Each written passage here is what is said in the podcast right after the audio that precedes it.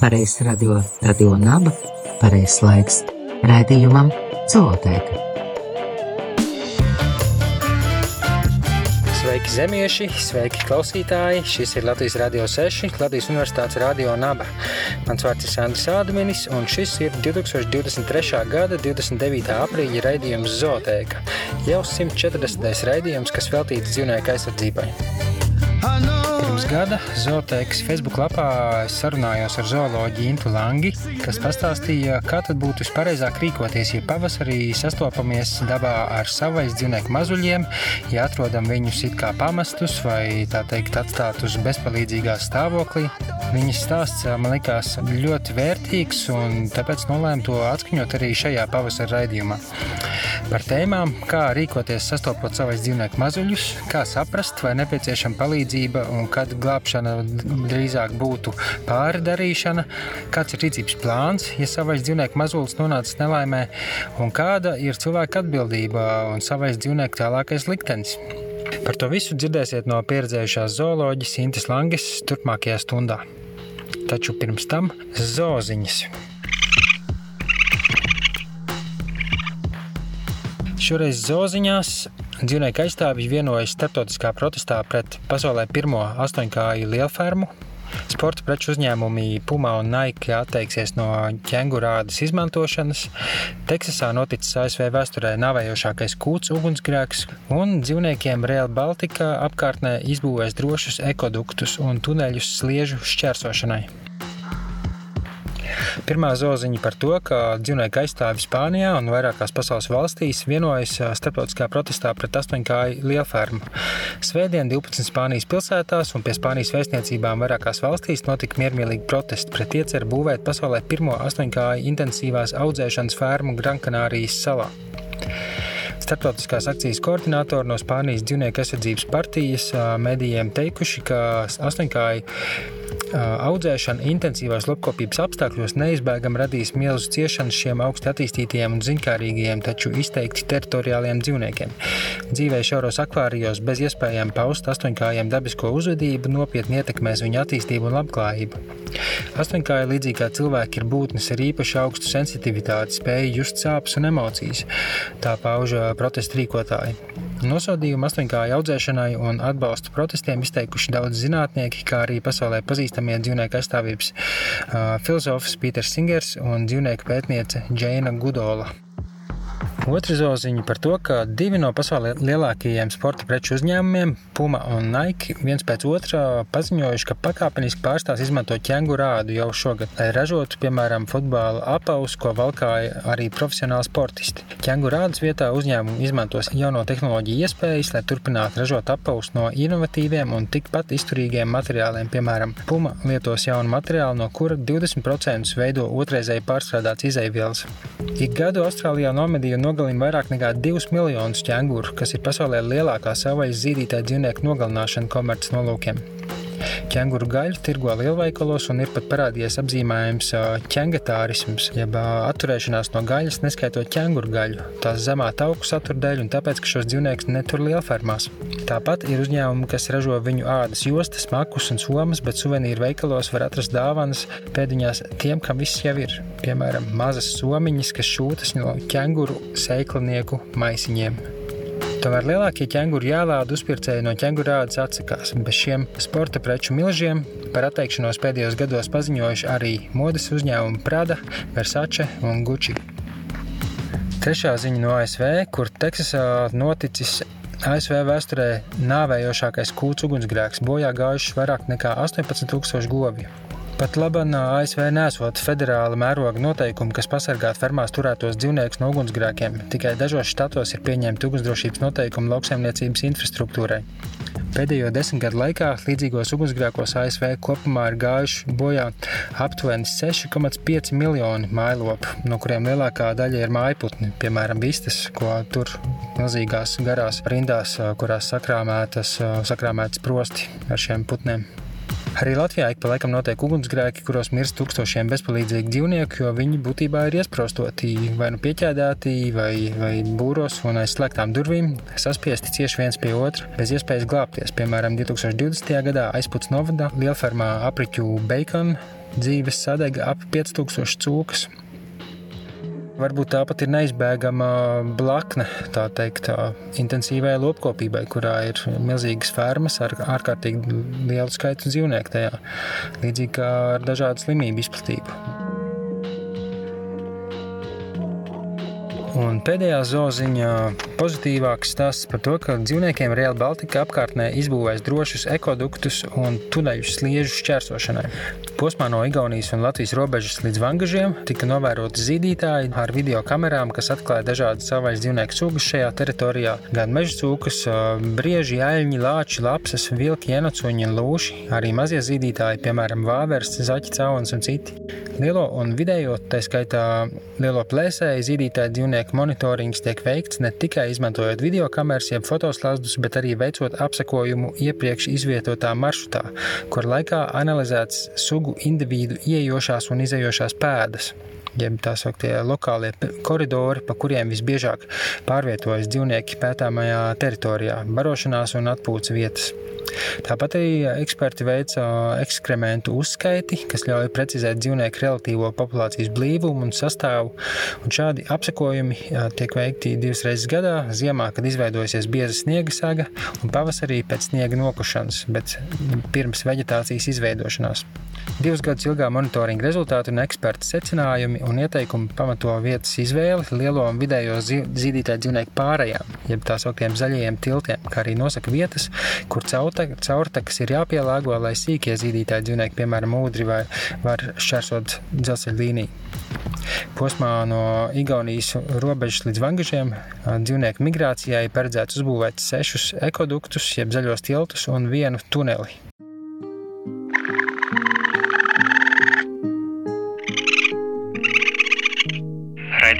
Pilno versiju klausies Latvijas sabiedrisko mediju portālā LSM LV.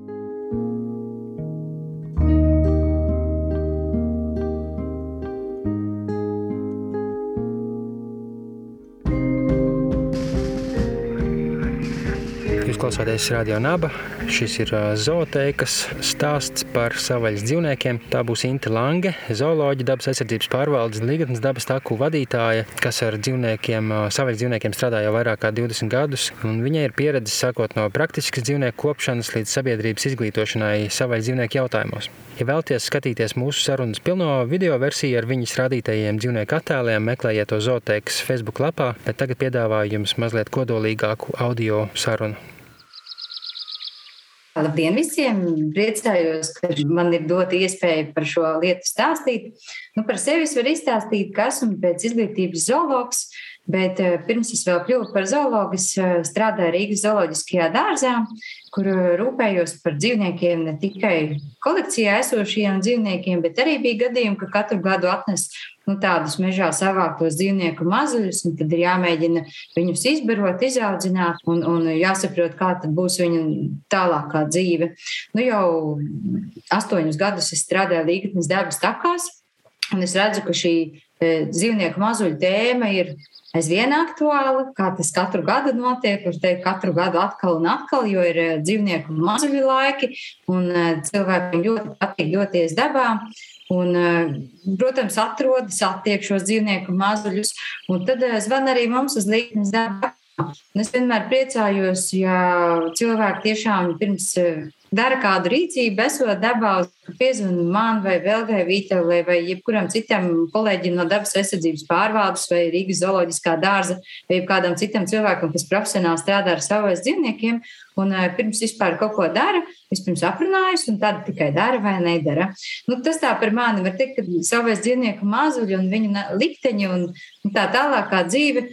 Nu, man pašai šķiet ļoti, ļoti svarīga. Tā ir tāda mana sirds tēma jo esmu redzējusi ļoti daudz tādus gadījumus, kuru, nu, tādus beidības gadījumus, kur varēja arī nebūt. Un tad uh, liekas, ka, nu, nu, vajag ļaut tomēr viņiem dzīvot savā vaļā, tā kā viņi dzīvo, uh, un uh, iejaukties tur tik daudz, cik ir cilvēka, nu, kaut kāda nepieciešamība to darīt. Nu, savu stāstu es gribētu sākt ar to, ka pavasaris ir laiks Dabā dzīvnieki ir ļoti aktīvi, ļoti kustīgi. Viņiem ir daudz darba, viņi veido ģimenes, viņiem ir jāaudzina mazuļus. Un uh, pavasaris ir laiks, kad arī cilvēki ļoti labprāt dodas dabā. Sevišķi pēc pandēmijas laika man šķiet, došanās dabā ir kļuvusi ārkārtīgi populāra. Un, protams, jo vairāk cilvēki dodas dabā, jo vairāk viņi atrod dažādus un satiek dzīvnieku mazuļus. Un te nu es gribētu sākt ar salīdzinājumu, kā cilvēks šo lietu uztver. Cilvēks ir pieredzējis, ka cilvēka mazuļi mazuļi ir eh, ļoti ilgi auklējami, kopjami. Līdz gada vecumam bērns vispār nu, tur zīdainis un par viņu nemitīgi jārūpējas. Un eh, bērnu man, šķiet, bez kaut kādas pieskatīšanas vispār cilvēks sāk atstāt nu, kaut kādā bērnu dārza vecāko grupu vecumā, jeb pat eh, pirmās klases vecumā. Un ir skaidrs, ka par dzīvniekiem ir, nu, ka cilvēks par saviem bērniem ļoti, ļoti rūpējas.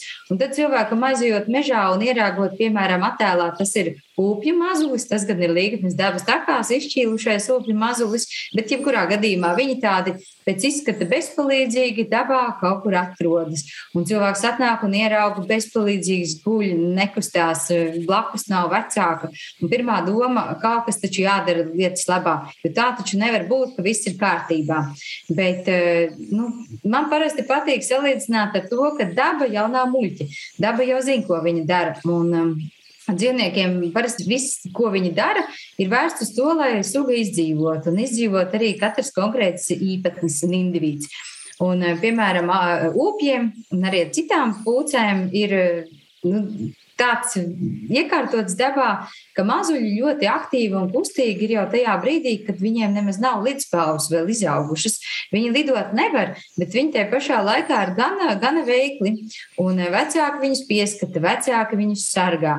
Un ir pilnīgi skaidrs, ka vecāki saviem nu, saviem dzīvnieku mazuļiem nedzīvojas blakus 24 stundas dienā, vai, vai tur visu dienu ar viņiem nepavada laiku. Parasti ir tā, ka mazuļi tiek atstāti līdzvietā vai kādā vietā, kur vecāki zina, kur šie mazuļi atrodas. Vecāki paši dodas savās gaitās, vai medībās, nu, kā tas ir pūcēm, vai, vai kaut kur baroties un meklēt sev ēst, un atnāk tikai, lai pabarotu mazuļus. Un, protams, ir, viņam ir svarīgi zināt, ka šī līgzdeva nav aizskarta, neviens tur nav nācis, bet savukārt mazulim galvenais uzdevums ir kārtīgi ēst, un slēpties. Un tas, ka šie dzīvnieki mazuļi ir tādi nekustīgi un, un varbūt tikai acis bola nu, skatās, ka kāds atnāk, tas nenozīmē, ka viņiem ir slikti. Gluži vienkārši viņiem ir instinkts nekustēties un izlikties, nu, nezinu, par neredzamiem, varbūt ar cerību, ka neviens viņu nepamanīs. Nu, var jau būt, ka kādi savvaļas plēsēji arī paietu garām, jo viena liela daļa plēsīgo dzīvnieku reaģē tieši uz kustību, bet cilvēks jau tāds nav. Viņš ierauga, apstājas un sāk aiztikt un sāk domāt, ko darīt tālāk. Šeit attēlā ir meža pūcis mazulis, kas arī ir izšķīlies līgatnes dabas takās, bet dabā notiek arī precīzi tāds pats stāsts, ka puķulēni izšķiļās savā likvietā, dobumā vispār visbiežāk vai kaut kādā tādā kārtīgā vietā, Un e, brīdī, kad viņi vēl nav apspēlējušies, nav spējīgi lidot, viņi paši paņem izlec ārā no līgstas. Viņi tā ļoti steidzīgi. Viņi bieži vien pa zemi kaut kur staigā, bieži vien uz kādu koku zemākā zāra. Un tad, ja cilvēks atnāk un ierauga, protams, ka tāds puķulēns projām nekur nebēg. Un, e, bet cilvēkam pirmā doma, ko tagad darīt, kā tagad glābt, jo mātes nav, tēva nav, viens pats pa zemi. Bet eh, ornitologi, jebkurā gadījumā, mācētu izstāstīt, ka nu, tā jau nav, ka šie mazuļi ir ļoti bezpalīdzīgi. Eh, izrādās, ka šie mazuļi, nespējot lidot un pat bez līdzpāva apspalvojuma tāda kārtīga, viņi ir ārkārtīgi kustīgi, ārkārtīgi veikli. Viņi ļoti skaļi māk sasaukties ar saviem vecākiem. Viņa vecāki ļoti labi zina, kur šie mazuļi ir, zina, cik katrs ir dabūjis ēst un kuram vēl piegādāt ēst. Un e, šie mazuļi ir tieši tik veikli, ka viņi paši spēja uzkāpt atpakaļ kokā. Viņiem ir e, ļoti spēcīgas kājas ar pamatīgiem nagiem, e, viņiem ir ļoti spēcīgs knābis, un šie putniņi kāpīja kokā ar savām kāju nadziņiem, kāju pirkstiņiem, ieķeroties koku mizā, pieturoties ar knābīti un vicinot spārniņus. Viņi lieliski tiek augšā. Bet, ja man vajadzētu, kā tad rīkoties cilvēkam, ja viņš atnāk un ierauga kaut kur puķu bērnu, kas ir pa zemi, nu, protams, var viņu pacelt kaut kur mazliet augstāk uz zara, bet es domāju, ka nu, nevajag meklēt līgstu, jo šis mazulis jau ir no līgstas izlecis un viņam tur arī nav jāatrodas. Protams, ir ļoti svarīgi, ja mēs dodamies dabā, lai mēs e, nedotos ar vaļā palaistiem suņiem, jo nav nekā ļaunāka par savu mājas mīlulu, kas ir izvests mežā palaists un, un, un mēs pat nevaram nojaust, cik ļoti lielu ļaunumu spēj izdarīt mājas suņi. Jo ieraugot kādu dzīvnieku mazuli, piemēram, šeit ir āļņu bērniņš, no āļņu bērni arī sākumā, kad piedzimst, mātes viņus ļoti sargā, bet kaut kādā brīdī, nedēļas, divu nedēļu vecumā, viņi sāk doties mātei līdzi.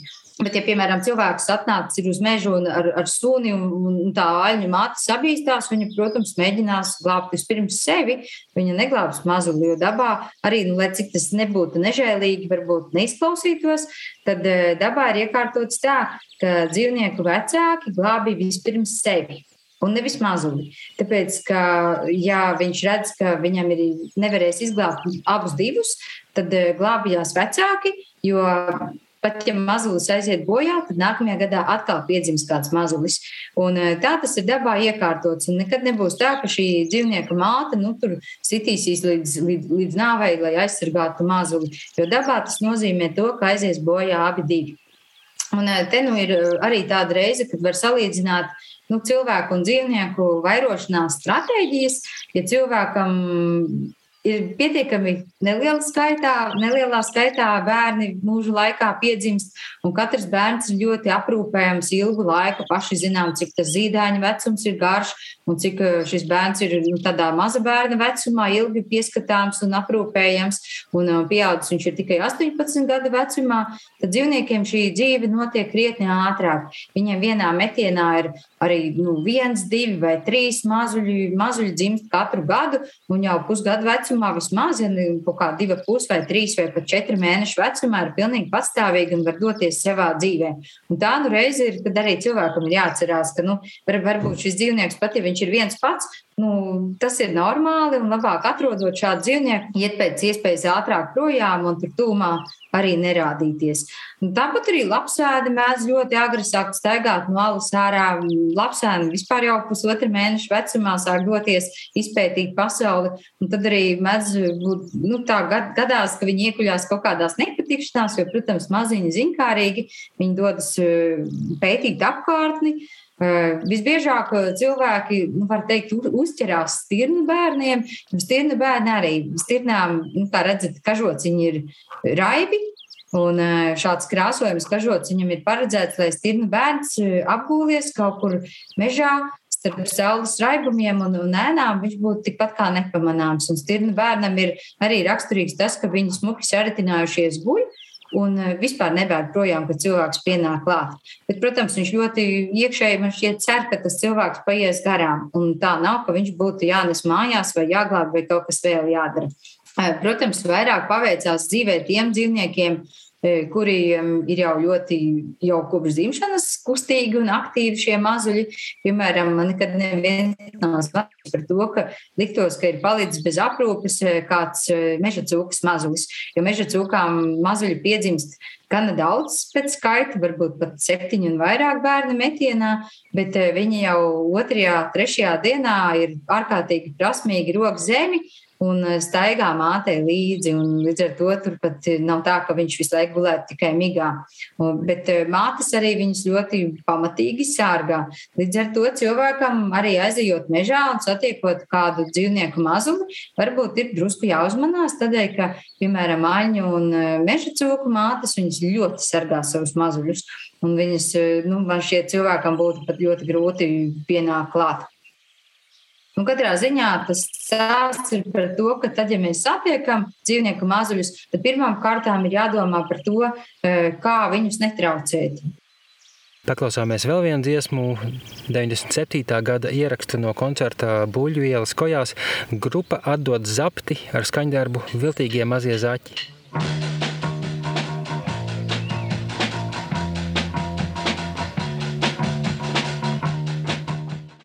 Šī ir Radio Nabas zootēka, un turpinām klausīties zooloģijas Intes Langes stāstu par savvaļas dzīvnieku mazuļiem. Ko ar viņiem darīt, vai drīzāk ko nedarīt, ja gadās sastapt? Ja mēs satiekam dzīvnieku mazuļus, tad pirmām kārtām ir jādomā par to, eh, kā viņus netraucēt. Jo skaidrs, ka dzīvnieki var dzīvot ļoti daudz kur, un eh, nav tā, ka viņiem būtu jādzīvo tieši nu, nu, mežā vai, vai kādā lauku malā, bet eh, reizēm dzīvnieki izvēlās dzīvot diezgan tuvu cilvēkiem. Nu, te vēl daži atsevišķi attēli par šiem dzīvnieku mazuļiem, kādi viņi ir jauki un, un, un patīkami. Protams, viņi staigā kopā ar savām mātēm, bet ļoti daudz tiek atstāti vieni paši. Un šeit arī bildes no Līgatnes dabas tāpaņu ģimenes Nu, šobrīd arī ar lūšiem ir tā, ka reizēm zvana cilvēki, ka ir kāds eh, lūsēns kaut kur aizmaldījies un eh, ierauga viņus. Bet visbiežāk ir tā, ka arī lūsēns mātes pieskata. Un, ja mēs ejot mežā, ieraugam kaut kur kādu mazu lūsēnu, tad nu, nav pamata domāt, ka viņš ir palicis bez aprūpes. Jo, nu, ja nu cilvēkam jautājums, ko tad galu galā darīt, tad pirmām kārtām ir jāpaskatās, kā šis dzīvnieks izskatās. Vai viņš ir novārdis, vai viņš ir noplucis, vai viņš ir varbūt ievainots, varbūt viņš kādā nu, ļoti īpatnējā vietā atrodas, nu, ka izskatās, ka viņš ir iekūlies nelaimē. Aņu laiks šobrīd ir pats tāds kārtīgākais. Aņiem dzimst mažuli, mazuļi, arī mežos šobrīd viņus diezgan daudz var sastapt. Te ir arī lācenīti ilzīti no līgatnes dabas takām, bet arī lāčiem ap šo laiku tie mazuļi ir tik lieli, ka lāču mātēm staigā līdzi. Pārsvarā gadījumā mātes vienalga viņas pieskata. Nākamais stāsts ir par to, kā cilvēkam saprast, glābt vai neglābt. Jo bieži vien es saņemu arī zvans par to, e, ka savais dzīvnieki ir sastapti pilsētā. Un um, bieži vien cilvēkam šķiet dīvaini, ka savais dzīvnieku lapsas, vai varbūt uh, eži, vai varbūt vāveris, vai reizēm pat ir kāds uh, stirnu buks, vai tas ir kāds alnis iemādās pilsētā. Bet ir pilnīgi skaidrs, ka nevienmēr tas, ka dzīvnieks ir pilsētā, nozīmē to, ka viņš ir apmaldījies un ka viņam ir nepieciešama palīdzība. Jo tādus savus dzīvniekus tautas valodā sauc par meža dzīvniekiem, kas varbūt īsti arī neatbilst patiesībai, tādēļ, ka viena daļa savus dzīvnieku viņi nemaz nedzīvo mežā.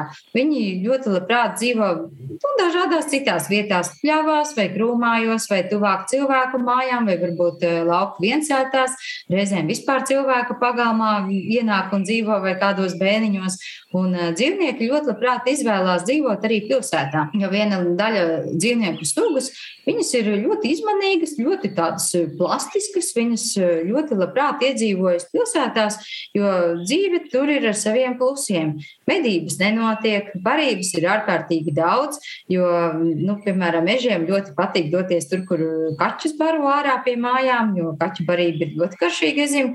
Eh, lapsas dara tieši tāpat. Tāpat ir pieejama dažādi atkritumu tvertnes, no kurām var kaut ko atrast labu vai kādam cilvēkam kādu cepumu izbirst pa ceļu. Vienmēr var kaut kaut ko labu atrast.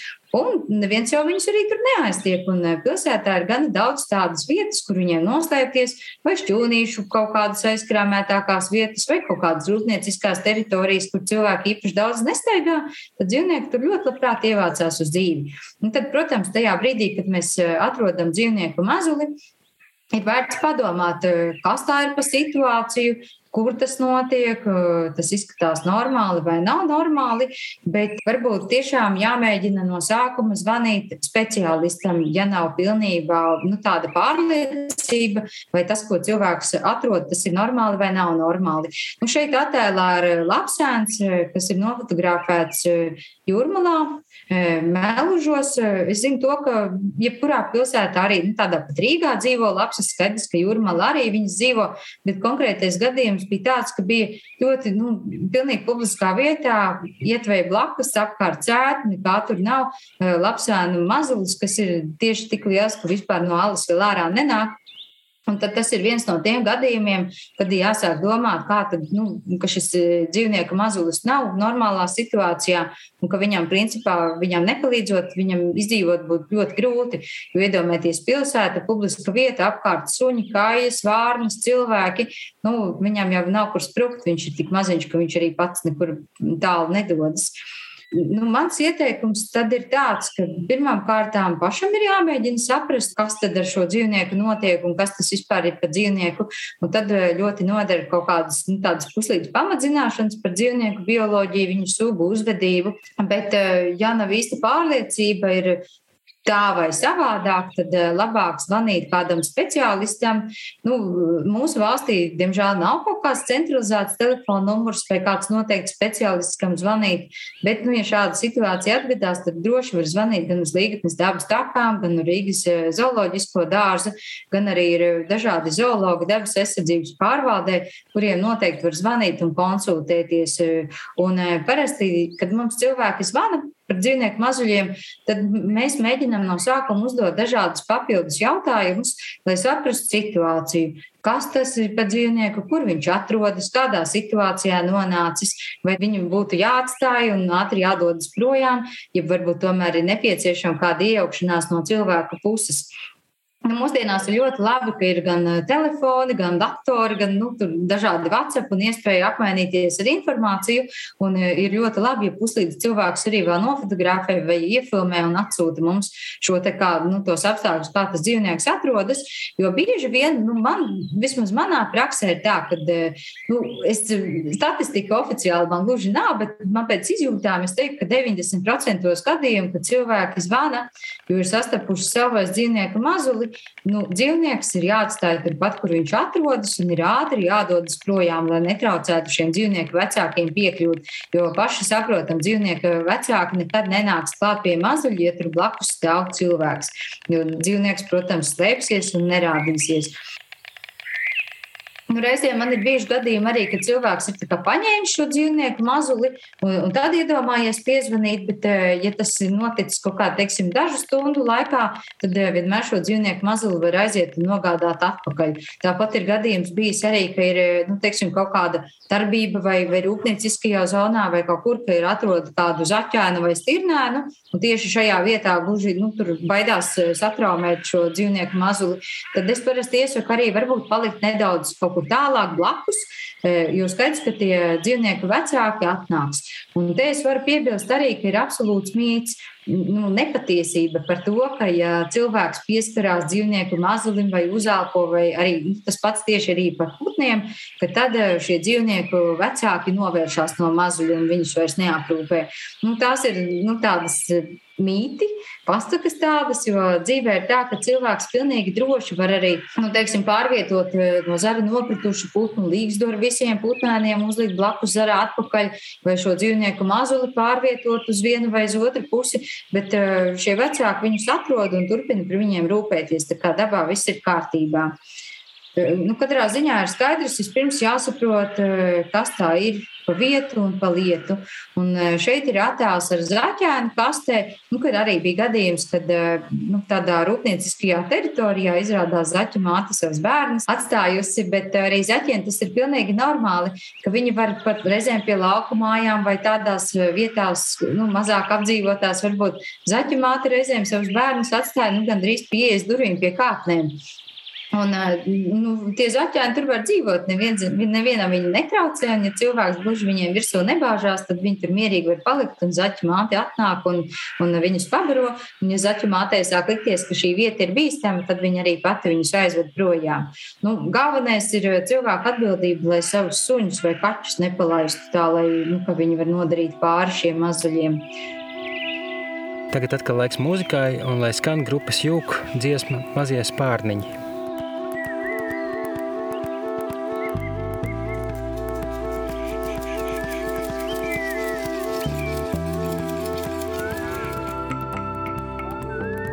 Šie visi gadījumi, ka, jā, nu, ka šie mazuļi ir atstājami savā vaļā, tā kā viņi ir.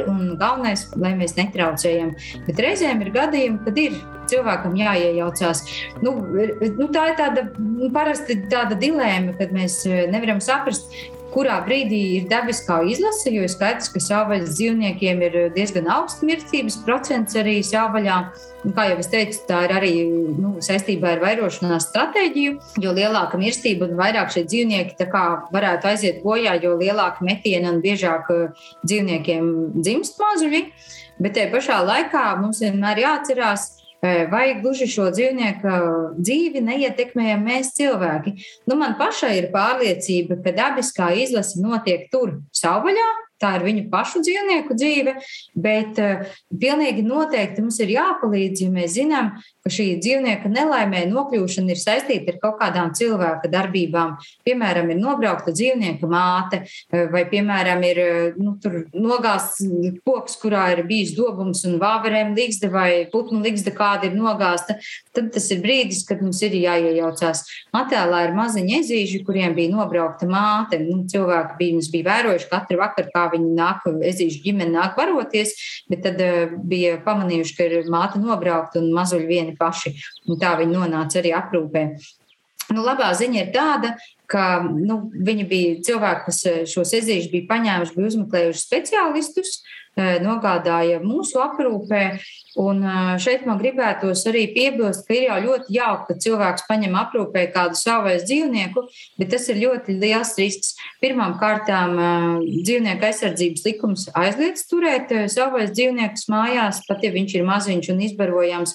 Bet nākamā lieta ir tas, ka cilvēkiem bieži vien nav zināšanu un saprašanas, kā, šos, kā rūpēties par šiem dzīvnieku mazuļiem, kā viņus izbarot pareizi. Un bieži vien man nākas dzirdēt tādus ļoti nelāgus stāstus par to, kā cilvēks ir mēģinājis iebarot tādu pienu, šādu pienu, govs pienu, vēl kaut ko, un pēc dažām dienām šie dzīvnieki mazuļi aiziet bojā, vai arī pēc dažām dienām šie dzīvnieki mazuļi kļūst tik vāji, ka viņus nu, jāvada rādīt ārstam un pēc tam jāārstē.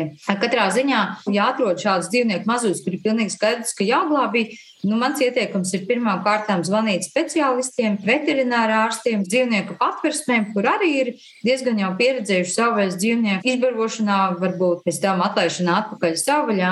Nu, nekādā gadījumā nevajadzētu rīkoties pēc saviem ieskatiem, tādēļ, ka nu, pārsvarā man zināmie gadījumi beidzas ļoti bēdīgi priekš dzīvniekiem. Nu, šeit man arī jāpiebilst, ka līgatnes dabas takās mēs arī nevaram uzņemt visus dzīvniekus, kas ir atrasti tādu savvaļā, kuriem nepieciešama kaut kāda palīdzība. Un mēs, piemēram, arī nestrādājam dienaktīm ilgi, speciālisti neesam uz vietas, bet šiem dzīvnieku mazuļiem bieži vien aprūpe ir nepieciešama tāpat kā maziem zīdaiņiem. 24 stundas diennaktī.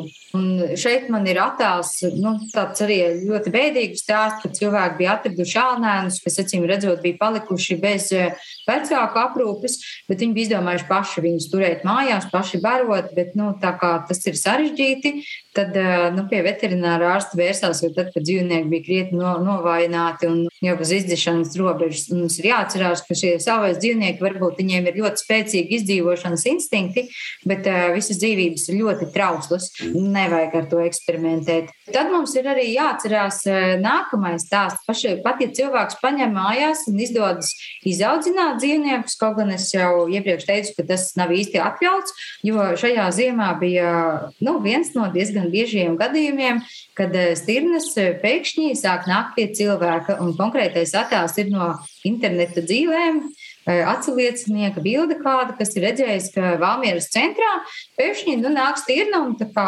diedelē ēst. Un cilvēkiem pirmā doma, protams, ka šim dzīvniekam mežā vienkārši ir grūti, jo dziļš sniegs un, un ir grūtāk atrast ēst, nu, ka viņš ir jāpabaro un jāizved atpakaļ uz mežu. Bet nu, man, diemžēl, jāsaka, ka es šeit redzu drusku citu ainu. Es redzu to, ka kāds ir paņēmis šo stirnēnu atnesis mājās no dabas ir izaudzinājis viņu lielu, un tad ar tādu domu, kā nu es labais esmu izaudzinājis dzīvnieku, un tagad palaidu viņu savvaļā. Nu, te nu man ļoti gribētos, eh, kā mazajā princī bija teikts, ka mēs esam nu, atbildīgi par tiem, ko esam pieredzinājuši, un ir pilnīgi skaidrs, ka mājās izaudzināt savais dzīvnieks nav pat aizno atlaižams mežā vai, vai citur sāvaļā, jo šie dzīvnieki viņi neprot izdzīvot, viņi neprot baidīties no cilvēka, viņi neprot baidīties no citiem dabiskajiem ienaidniekiem, viņi neprot arī baroties, un cilvēks viņiem saistās ar iespēju labi paēst bez īpašām grūtībām. Bet dabā, protams, savas dzīvniekiem ir grūtāk, viņiem ir pašiem jāmeklē, ko ēst. Un, Nu, vēl viena lieta, ko es pilnīgi noteikti gribētu likt pie sirds, ka savvaļas dzīvnieks viņš nekad nebūs mājdzīvnieks. Viņš nekad nebūs kā mājdzīvnieks. Pat ja mēs viņu paņemam no ļoti maza vecuma, lai kā mēs viņu audzinātu, lai kā viņš varbūt augšanas procesā ļoti mīlīgs, nāk daudzīties un labprāt ēd no rokas un, un čubinās un guļ dīvānā un staigā pa dzīvokli vai vienalga kur, tad uh, izaugot lieli, viņiem parādās savvaļas dzīvnieku instinkti. Viņi sāk no cilvēka baidīties, vai tieši otrādi viņi kļūst agresīvi pret cilvēku, jo cilvēkā nu, varbūt ne gluži savā tajā nosacīti mamā, jā, nu, bet eh, apkārtējie cilvēki jau viņš uzskata par konkurentiem, ar kuriem tad ir jāiet cīnīties jo viņiem ir nepieciešami nu, īpaši apstākļi, tā labturība saucamā. Viņiem ir nepieciešami voljēri, kur viņiem dzīvot eh, noteikta veida barība, kur nu, nemaz nav tā pieejama, vai veikalā nevar aiziet un nopirkt, piemēram, stirnu barību. Nu, tā tas nenotiek. Un līdz ar to mums ir nu, tie cilvēki, kas vispār izlēma audzināt šādus dzīvniekus. Nu, man vairāk gribētos teikt to, ka nu, domājam līdzi, ko mēs darām, jo ko mēs esam pieredzinājuši, par tiem mēs esam atbildīgi. Bet man te ir vēl viens piemērs no, no interneta dzīvēm par rāli, kas vēlas iekāpt autobusā. Nu, šeit arī skaidri redzams, ka tas nav savvaļas ālnis. Un tajā ziņā man vienmēr sāp sirds, jo mēs regulāri saņemam zvanus par to, ka kaut kur Latvijā kādā lauku saimniecībā ir ieklīdusi stirna un no suņa nebaidās un ievākusies uz dzīvi klētī vai kaut kā savādāk. Un cilvēki ir nesaprašanā, nu, kāpēc tas dzīvnieks tā dara un, ko tur var palīdzēt viņam. Bet, diemžēl, stāsts ir par to, ka palīdzēt, tad jau vairs nevar, kad viņš ir izaudzis. Jo šim dzīvniekam ir iespēja dzīvot vai nu nebrīvē, kādā iešogojumā, kur cilvēks par viņu rūpējas, vai arī dabā viņš vairs nav palaidams. Nu, viņš ir eh, tāds situācijas ķīlnieks. Un, eh, tas eh, mums visiem labi zināmais piemērs ir ar lācēniem, viciem atrastajiem mazajiem lācēniem, kas arī gāja dažādus nerātnības strādāt pie cilvēku mājām, un kuri gal galā tur diedelēja gulbenes šoseis malā. Nu, tas ir skaidrs piemērs par to, ka kāds cilvēks viņus bija izaudzinājis mājās. Protams, cilvēks mājās audzinot meža dzīvnieku nav nekāds pats. Viņš nekļūst par meža dzīvnieku, viņš, ne, viņš nav lācis. Viņš nevar lācim vai kādam citam dzīvniekam iemācīt baroties kā lācim, dzīvot kā lācim un visu darīt kā lācim. Un skaidrs, ka viņš ir iemācīts to darīt kā cilvēkam, un pēc tam palaižot šo dzīvnieku dabā, nu, dzīvnieks īstenībā tur nu, mokās. Viņš nemāķi atrast ēst, viņam nav ko ēst, viņš ēd to, kas pagadās viņam pēc tam ir slikti. Un, uh, tur jau nav īsti arī varianti, ko ar viņu darīt. Jo tā, tā informācija, kas izskan, kā viņu tagad varētu likt kaut kur zooloģiskajā dārzā, Nu, nevar, viņš ir no dabas, viņš nekad negribētu dzīvot nu, kaut kādā iežogojumā, bet tur labprāt dzīvo tie dzīvnieki, kas šādos apstākļos ir izauguši. Un, uh, man uh, pašai nu, visvairāk sāp sirds par šādiem dzīvniekiem, jo kamēr ja viņš, teiksim, dabā aiziet bojā, vēl nepieaudzis, tas ir viens tā, protams, kaut kādā mērā dabiskā izlase, bet uh, nu, mēs nedrīkstam izmest mežā šādus dzīvniekus, kas paši neprot dzīvot. Nu, tas, tas man liekas pats tāds arī Un, uh, man pašai ir pilnīga pārliecība arī par to, gan šādi gadījumi dabā, kas ir redzami, ka dzīvnieks neprot izdzīvot savvaļā. Mums pašiem arī līgatnes dabas takās bija gadījums, ka kāds, nu, nezinu, ar kādu nolūku cilvēks bija nu, sabojājis labs voljēram nožogojumu, labs bija izgājis kā nosacīti brīvībā, ārpus šī voljēra. Bet uh, līgas dabas taku dzīvnieki parasti atgriežas. Jo šie iežogojumi, tās ir viņu mājas, viņi tur dzīvo, viņi tur ēd. Viņi nemaz īstenībā negribētu dzīvot kaut kur citur. Un uh, pēc kāda laika šīs mūsu lapsas atgriezās, bet uh, jau tik slimas, jo pavadot laiku staigājot pa mežu, viņas vēl nebija pratušas ne īsti ēst, ne īsti sevi aprūpēt. Mums, diemžēl, neizdevās glābt. Bet tas ir piemērs par to, ka šie dzīvnieki neizdzīvo. Un pat ja cilvēks izaudzina mājās dzīvnieku mazuli un pēc tam izlaiž dabā, un par viņu pēc tam nedzird, neredz viņu vairāk, tas nenozīmē, ka viņš tur laimīgi dzīvo. Vis, visticamāk, ka viņš vienkārši aiziet bojā, mokošā nāvē, vai nu no bada, vai nu no nespējas sevi aprūpēt, vai nu trāpās klādām plēsējiem pa, pa ķetnē, tāpēc, ka viņš jau pats pat neprot slēpties un glābties. Un tajā brīdī man liekas, ka, nu jā, ka tā ir tā cilvēka atbildība, nu, kur tad ir šī glābšana un kur tad ir atkal tālāk darīšana pāri tas ir apmēram mans stāsts par šiem dzīvniekiem. Ko darīt un ko nedarīt, un kādas ir sekas. Jo sekas ir nu, briesmīgas. Pat ja ne cilvēkam pašam, tad, tad dzīvniekam, protams, ka tās ir tādas nelāgas sekas. Bet, ja rodas jautājums par to, kāda tad būtu rīcība un tieši kur zvanīt, tad Latvijā, diemžēl, pagaidām nav tāda stingra kārtība vai kāds viens telefona numurs, uz kurieni zvanīt, atrodot šādus dzīvnieku mazuļus. Šobrīd nu, cilvēkam jāprot uzmeklēt speciālistus un jākonsultējas, un mēs arī ļoti labprāt to darām, jebkurā dienas laikā atbildam uz šādiem zvaniem. Jo nu, kaut kāda rīcība ir nepieciešama, bet labā ziņa ir tāda, ka Latvijā nu pat uh, visas eh, institūcijas, kas darbojas ar dzīvniekiem, kad sākot ar uh, likumdošanas aktiem, normatīviem aktiem, kas regulē dzīvnieku turēšanu, dzīvnieku glābšanu, dzīvnieku medicīniskās lietas, dzīvnieku labturību, un tie praktiķi, kas reāli uzņem savus dzīvniekus un mēģina viņiem palīdzēt dažādas dzīvnieku patversmes, citas organizācijas, esam apsēdušies pie viena galda un šobrīd mēģinām nu, strādāt pie tā, lai izveidotu mūsu valstī vienotu algoritmu, vienotas vadlīnijas, rīcību plānu, jebkuram cilvēkam saprotamu ko tad darīt, ja atrod dzīvnieku mazuļu. Un šobrīd doma ir tāda, ka tas varētu būt kaut kāds viens telefona numurs, uz kuru zvanīt, un tālāk, tad, nu, pēc, pēc atkarībā no gadījuma un, un situācijas, tad tiek pārdresēti speciālistiem, kas nu prasīs palīdzēt tīri praktiskā veidā. Nu, jā, jo citās valstīs šāda kārtība darbojas diezgan labi, e, bet nu, man arī jāsaka par to, ka e, mums e, nevajadzētu domāt, kā tagad Latvijā būs fantastiskākie savvaļas dzīvnieku rehabilitācijas centri, kur visi dzīvnieki tiks uzņemti, visi tiks izārstēti un visi tiks palaisti savvaļā. Nē, nu, tāds optimisms scenārijs nav. Dabā tā nenotiek, jo ļoti daudz no šiem dzīvniekiem vispār neizdzīvo, vai nu traumu dēļ, vai nu arī dažādu citu īpatnību dēļ. Un ne visi pēc tam ir spējīgi dzīvot cauvaļā. Un skaidrs, ka mēs nevaram, nevaram laist cauvaļā tos, ko mēs jau laicīgi zinām, ka nebūs. Un arī citās valstīs, teiksim, dzīvnieku rehabilitācija ir stingri nu, tāda nu, nu, skatās, kuri dzīvnieki būs spējīgi dzīvot savvaļā un kuri nebūs. Un, ja ir skaidrs zināms, ka šis dzīvnieks eh, nevarēs eh, sevi nodrošināt ar pārtiku, sevi drošību kaut kādu, vai, vai nevarēs pārvietoties īsti kā vajag, nu, skaidrs, ka šim dzīvniekam nākotnē nu, savvaļā viņš nekad vairs nevarēs atgriezties. Bet nu, labā ziņa ir tāda, ka cilvēkam vienalga vajadzētu palīdzēt tur, kur ir jāpalīdz, un labāk neiejaukties tur, kur nevajag iejaukties.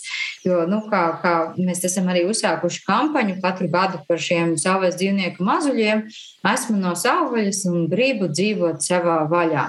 Un man šķiet, ja cilvēkam ir iespēja dzīvnieku neizņemt no dabas, tad arī to nevajadzētu darīt, jo lai viņi paliek dabai un viņus nevajadzētu veidot par zoodārs dzīvniekiem vai iežoglojumu dzīvniekiem, ja vien tā nav galēja nepieciešamība. Tikko dzirdējām pieredzējušās zooloģijas Intas Langas stāstījumu par to, kā rīkoties, ja sastopam savais dzīvnieku mazuļus. Ja vēlaties noskatīties stāstu video versiju, meklējiet to YouTube ar nosaukumu Kā palīdzēt savais dzīvnieku mazuļiem. Priecāšos, ja padosiet to tālāk arī draugiem un paziņām. Īsi sakot, ja dzīvnieks ir patiešām nonācis dzīvībai bīstamā situācijā, piemēram, kaut kur iestrēdzis vai iekritis, novārdis vai acīm redzams savainots, vai arī, piemēram, mazuļa māte atrodas netālu mirusi, var zvanīt uz 112, vienoto ārkārtas palīdzības izsaukuma numuru. Vai arī ziņojiet kādam vietējam veterinārārstam, kas zinās, kā labāk rīkoties tālāk. Tagad piedāvāju jums dzīvniekus valodas pinekļos, tādu rubriku, kur pievēršu uzmanību ar dzīvniekiem saistītiem vārdiem, izteikumiem un pat strīdiem šajā sakarā. Inta Lange savā stāstā bieži un daudz bez problēmām runāja par to, ka dzīvniekiem ir mazuļi, jeb bērni, viņiem ir mātes, jeb mammas, vecāki. Tāpat kā mums cilvēkiem. Tomēr ne visiem patīk, ka šos vārdus izmanto runājot par dzīvniekiem, kas nepieder homo sapiens sugai. Spilgts piemērs, kas man palicis atmiņā, ir no Latvijas radio viens raidījuma krustpunktā, kur pirms pāris gadiem tā sauktā nošautās lūšu mātes skandāla sakarā mani uzaicināja diskutēt par tēmu medības, vaļasprieks vai nepieciešamība.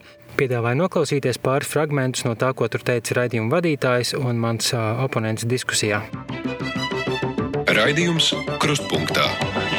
Diskusijas gada nogalē raisījās pēc tam, kad alūksnes pusē viena mežniece bija pozējusi ar nošautu lūšu māti, kuras mazuļi līdz ar to bija nolemta badu nāvei. Un uh, medību saimniecība viņa apsaimnieko uh, bezsaimnieku mantu, šos medību resursus. Visvairāk nomedīja tieši uh, tekošā gada uh, dzīvnieks. Jūs runājat par, jā, par dzīvnieku daļu, kā nu, skaitļu statistika, tur tā, nu, līdzīgi kā mēs kādreiz rēķinām. Tie dabas Jā, resursi. Ju- Jo tas stāsts par tām lūšmātēm bija stāsts par emocijām, protams. Sakot, tie ir bērni, kuriem tad palikuši bez māmas. Nē, nē, stop, ir stop, stop, emocijas stop. vai nav emocijas? Novelkam, Nu, novelkam, tagad valkam, svītu, no nav valkam, viņi- jā. Jā, Nav viņi ne bērni, viņi ir tekošā gada dzīvnieki, un, un tas arī viss.